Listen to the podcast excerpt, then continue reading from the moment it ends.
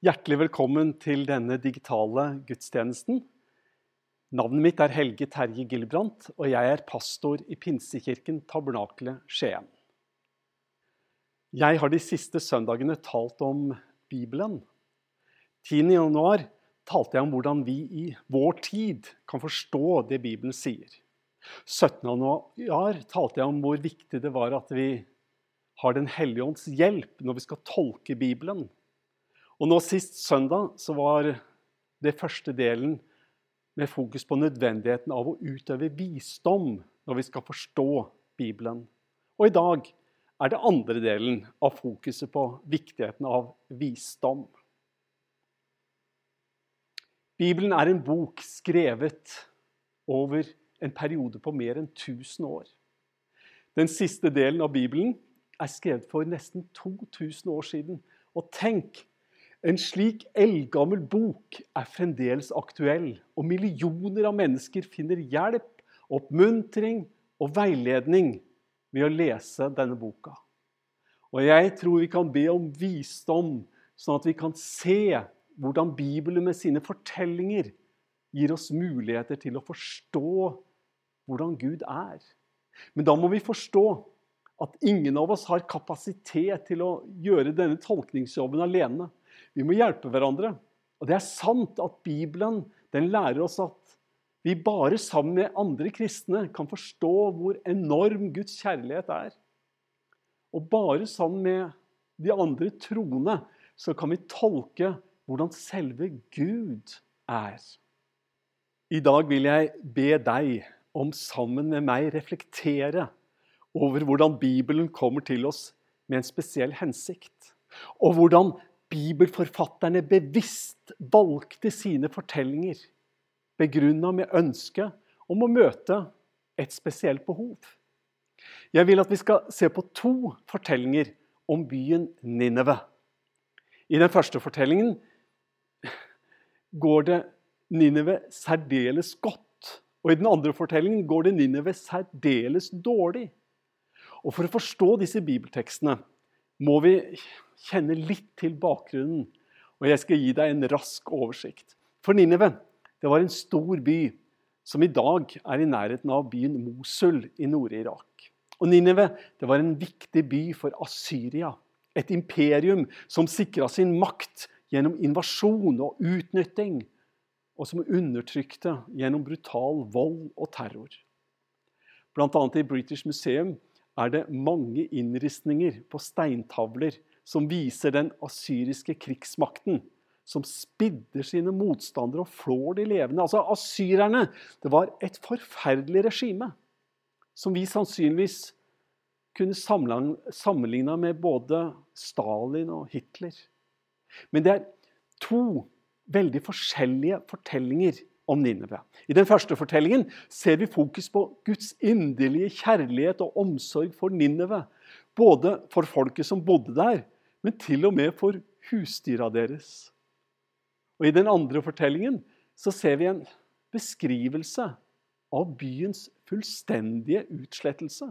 Og vi leser hvordan Juda, eller det som vi i dag kaller Israel, hvordan de jubler og klapper i hendene og er så begeistra over Nineves undergang. Og det virker som om Gud selv, altså billedlig talt, klapper i hendene sammen med folket når de jubler over at endelig så blir disse onde menneskene i Nineve straffa med død og undergang. Og for å si det tydelig begge fortellingene er i Bibelen. Og begge fortellingene gir et riktig bilde av Gud. Men vi kan ikke bare ta det ene bildet og si at sånn er Gud. Vi må se dette i sin sammenheng, og vi trenger visdom for å forstå disse forskjellige beskrivelsene av Gud. Og vi trenger både visdom og Den hellige ånds hjelp for å fatte når vi skal identifisere oss med det ene, og når det andre. Og nå skal jeg si noe som jeg tror er viktig, i hvert fall er det blitt for meg, og jeg skal spissformulere det lite grann. Kanskje det blir litt selvmotsigende, men det er egentlig for at det skal bli lettere for oss å forstå. Jeg vil si det sånn som dette. Vi skal ikke lese Bibelen for å forstå hvordan vi skal leve. Men vi skal lese Bibelen for å forstå hvordan Gud er. Og Poenget er at når vi lærer å forstå og kjenne den Gud som Bibelen viser oss, da vil alt det Bibelen sier om hvordan vi skal leve livet våre, få en ny dimensjon. Selvfølgelig sier Bibelen veldig mye om hvordan vi skal leve livet våre. Men dersom vi går til Bibelen bare for å finne svar på hvordan vi skal leve, da blir Bibelen en regelbok der vi kan finne støtte for nesten hva som helst. Men dersom vi går til Bibelen for å møte Gud, for å tilbe, for å ære og for å følge ham, da blir Bibelen en levende bok som viser oss hvordan Gud er, og hva det innebærer å følge ham. Jeg nevnte de to veldig forskjellige bibelfortellingene om byen Nineve. Den første fortellingen om byen finner vi i den boka i Bibelen som heter profeten Jonah. Den andre fortellingen om Nineve er i boka som heter profeten Nahum. Og I den første fortellingen leser vi om profeten Jonah. Han vet tydeligvis nokså mye om hvordan asyrerne levde, og hvor forferdelig de oppførte seg. Og var det én ting han ikke ønska, så var det at Gud skulle tilgi dem og gi dem en sjanse til. Derfor flykter Jonah og vil slett ikke gjøre som Gud hadde sagt, nemlig at han skulle forkynne omvendelse og tilgivelse for de som bodde i Nineve. Jonah sitt største mareritt det var frykten for at folket faktisk skulle vende om, og at Gud faktisk skulle tilgi dem. Altså, Vi møter profeten Jonah, som ønsker død og undergang over Nineve. Samtidig møter vi Guds ufattelige omsorg og nåde.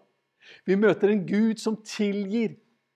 Og han tilgir det verste de kunne tenke seg, altså asyrerne og befolkningen i Nineve. Og budskapet det er klart. Og det er at det finnes ingen grenser for Guds vilje til å tilgi. Og kanskje enda mer sjokkerende for datidens lesere Gud, hans kjærlighet, er ikke begrensa bare til jødene. Men han elsker alle nasjonene, og til og med asyrerne. Og Denne versjonen av fortellingen om Nineve, den reflekterer altså en omsorgsfull Gud som tilgir og lar folk få en ny sjanse. Og Skal vi følge den versjonen, er det altså slike idealer som vi må løfte fram og la være avgjørende når vi står overfor forferdelige mennesker som nærmest flyter over av ondskap og grusomhet. Vi bør spørre oss hva er grunnen til at vi har denne boka, og at denne fortellingen ble fortalt, skrevet ned og regna som hellig skrift. Ingen vet når Jonah-boka ble skrevet ned. Det er ingenting i selve boka som sier at det var Jonas selv som skrev den. Enkelte ting kan tyde på at eh, da fortellingen ble nedskrevet, så var allerede Ninive ødelagt, tilintetgjort. Ødeleggelsen av Ninive skjedde i år 612 før Kristus. Men som sagt, dette vet vi lite om. Men vi kan registrere at Jonah kapittel 3 vers 3 snakker om Nineveh i fortid, som en by som en gang var. Og i kapittel 3 vers 7 og 8, der det skrives om den fasen som både mennesker og dyr skulle begynne, så hevdes det at eh, enkelte påbud mer reflekterer persisk skikk enn de i Asyria. Så dette sammen med andre ting det gjør at dateringa av selve nedskrivninga varierer fra år 300 til år 800 før Kristus. Men vi kan altså ikke vite det når boka ble nedskrevet. La meg gi et eksempel på hvordan vi kan tenke. Dersom boka ble skrevet ned etter Nineves undergang, så vil mange hevde at den trolig ble skrevet etter at også Jerusalem ble inntatt av babylonerne og jødene ført i fangenskap til Babylon. Det skjedde over en periode, men vi kan ta utgangspunkt i år 587 før Kristus. Men det er ikke så viktig, og nå må ikke du ramle av lasset. Poenget det skal komme tydelig fram nå.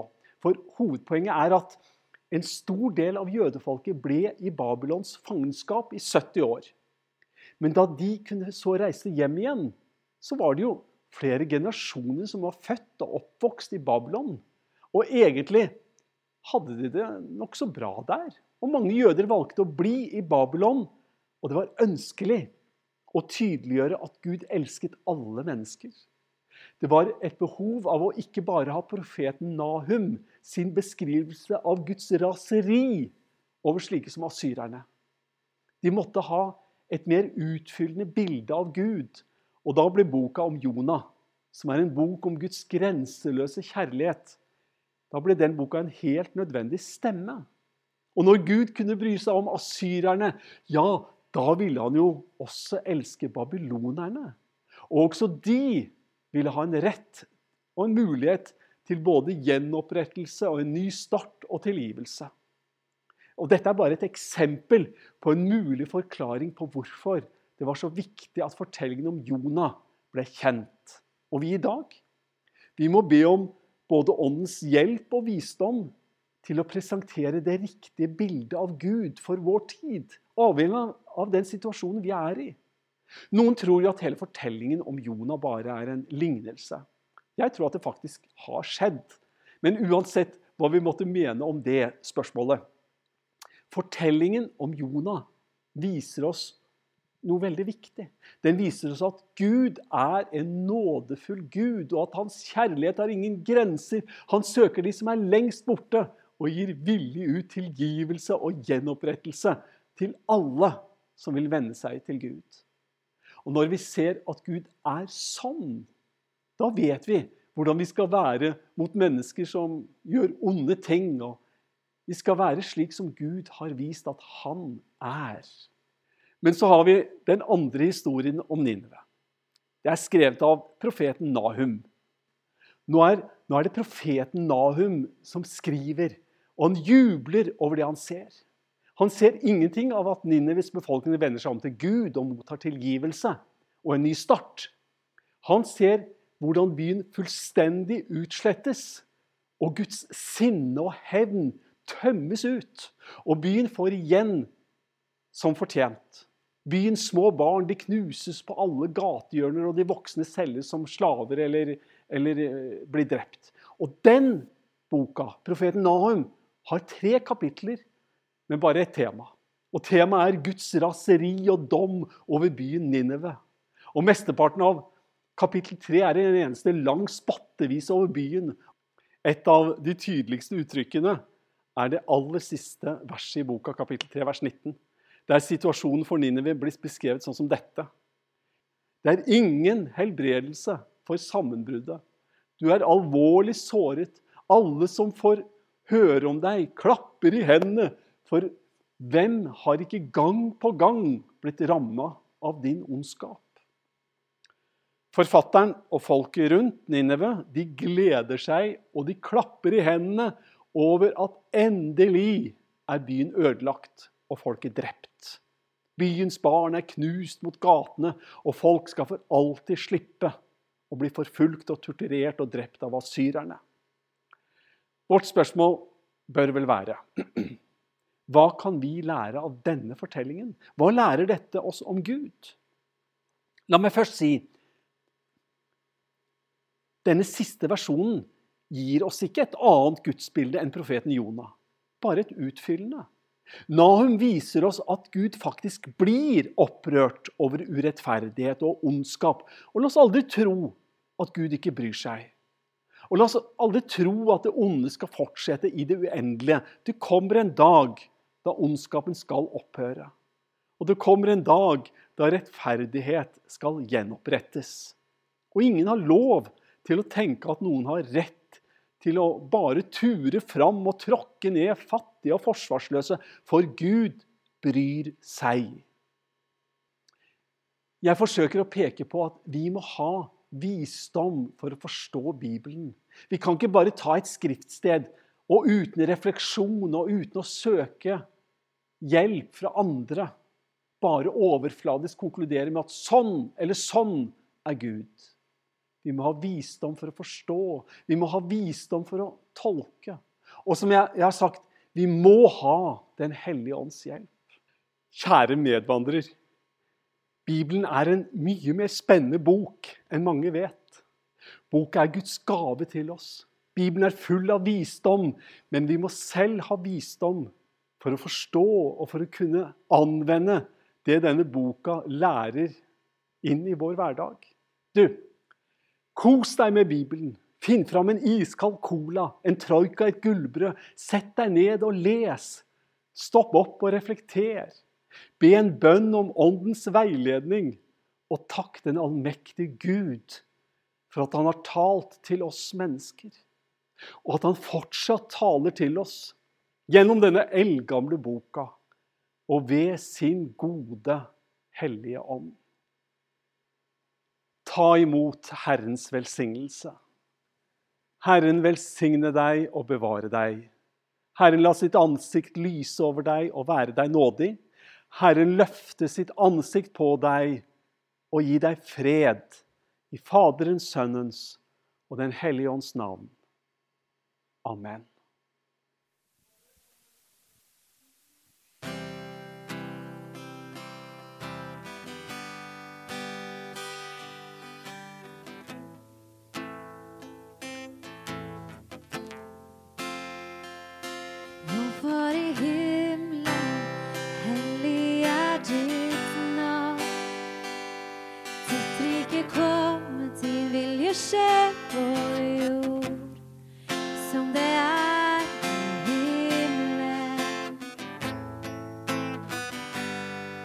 Vår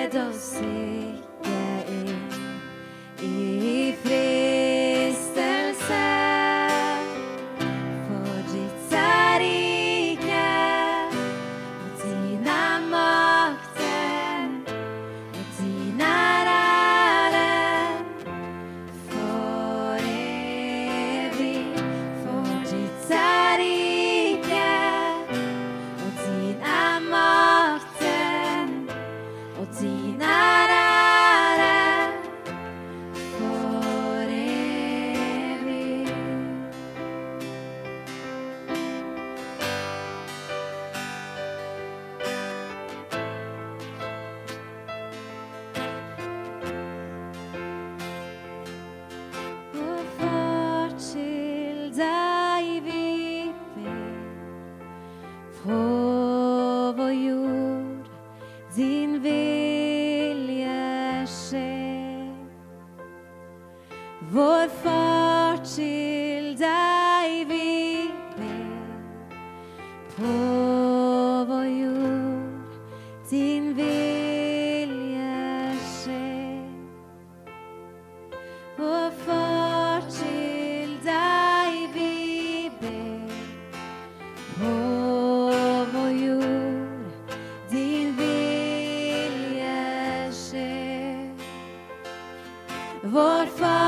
watching.